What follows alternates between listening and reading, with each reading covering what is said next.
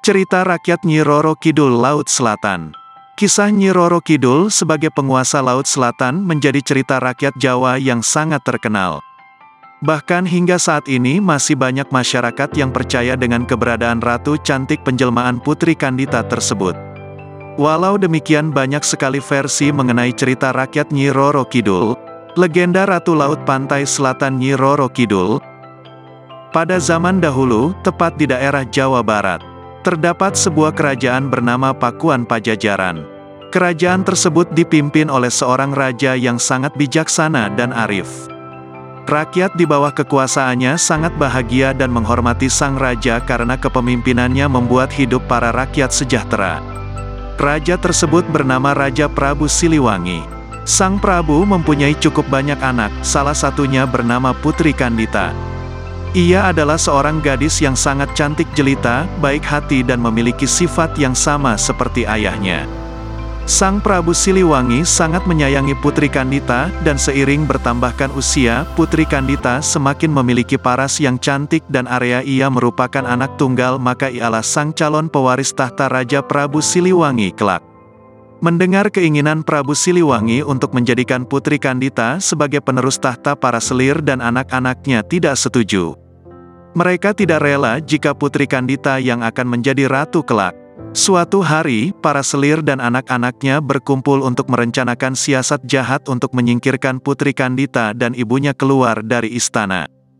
Untuk melancarkan rencananya mereka meminta bantuan kepada seorang penyihir sakti yang tinggal di sebuah desa terpencil, yang memiliki berbagai macam ilmu hitam.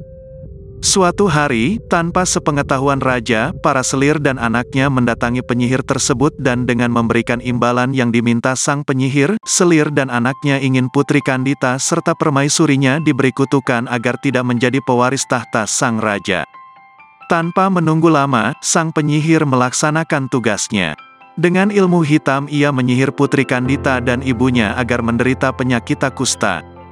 Suatu hari, ketika bangun dari tidurnya Putri Kandita dan ibunya berubah menjadi buruk rupa, tubuh yang awalnya mulus, bersih dan kuning langsat seketika langsung berubah, tubuh keduanya dipenuhi dengan borok dan mengeluarkan bau yang tidak sedap.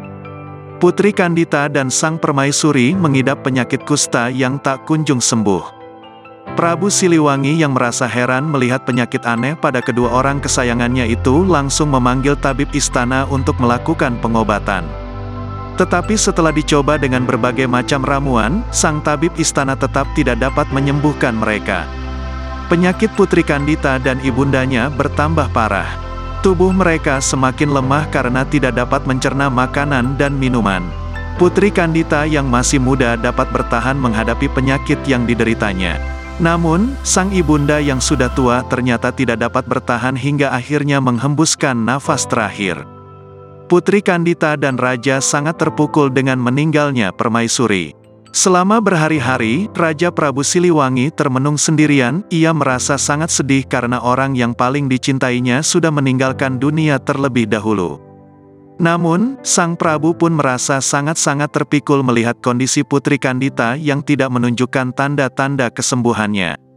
Ia merasa sangat cemas karena Putri Kandita yang akan menggantikan meneruskan tahta kerajaan.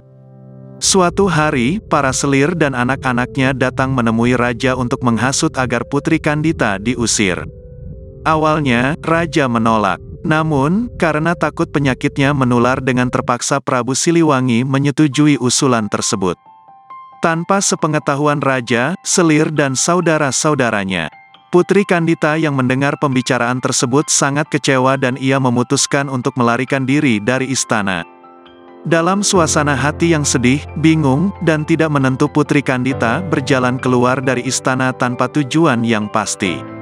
Selama berhari-hari ia berjalan tanpa arah hingga akhirnya tiba di pesisir pantai selatan Pulau Jawa yang memiliki banyak batu karang dan ombak besar. Di salah satu batu karang itu dia kemudian beristirahat hingga akhirnya tertidur karena kelelahan. Dalam tidurnya, Putri Kandita bermimpi mendengar sebuah suara gaib yang menyuruhnya menceburkan diri ke laut agar penyakitnya sembuh dan sehat seperti sedia kala. Ceburkanlah dirimu ke dalam laut, Putri Kandita, jika kamu ingin sembuh dari penyakitmu.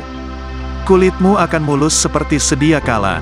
Putri Kandita pun terbangun dari tidurnya. Ia lalu merenung meresapi kata-kata gaib tersebut karena ragu apakah suara itu merupakan sebuah wangsit atau hanya orang iseng yang membisiki saat dia tertidur.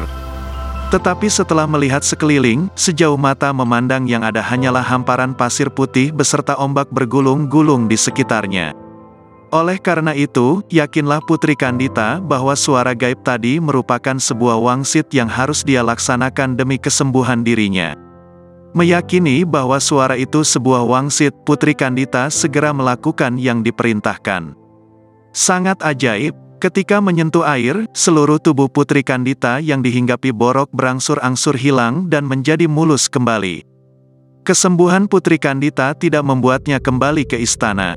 Dia lebih memilih untuk menetap di pantai selatan dan berbaur dengan penduduk sekitar yang sebagian besar berprofesi sebagai nelayan. Sejak tinggal di sana, Putri Kandita sangat terkenal karena kecantikan yang ia miliki. Banyak pangeran dari berbagai kerajaan datang untuk melamarnya. Namun, dari sekian banyak yang melamarnya Putri Kandita sama sekali tidak tertarik. Sebagian dari mereka mundur karena Putri Kandita mengajukan syarat yang sangat sulit. Salah satu syaratnya adalah mengadu kesaktiannya di atas gelombang pantai laut. Namun, sebagian dari mereka yang menerima syarat. Ternyata, dari sekian banyak lelaki yang beradu kesaktian, tak seorang pun mampu mengalahkan Putri Kandita. Mereka akhirnya menjadi pengikut setia yang selalu mengawal sang putri ke mana pun dia pergi. Sejak itulah, Putri Kandita dikenal sebagai Ratu Penguasa Laut Selatan Pulau Jawa yaitu Nyai Roro Kidul. Pesan moral dari cerita rakyat Nyi Roro Kidul Laut Selatan adalah janganlah kamu berbuat jahat, karena perbuatan jahat akan menimbulkan malapetaka di kemudian hari.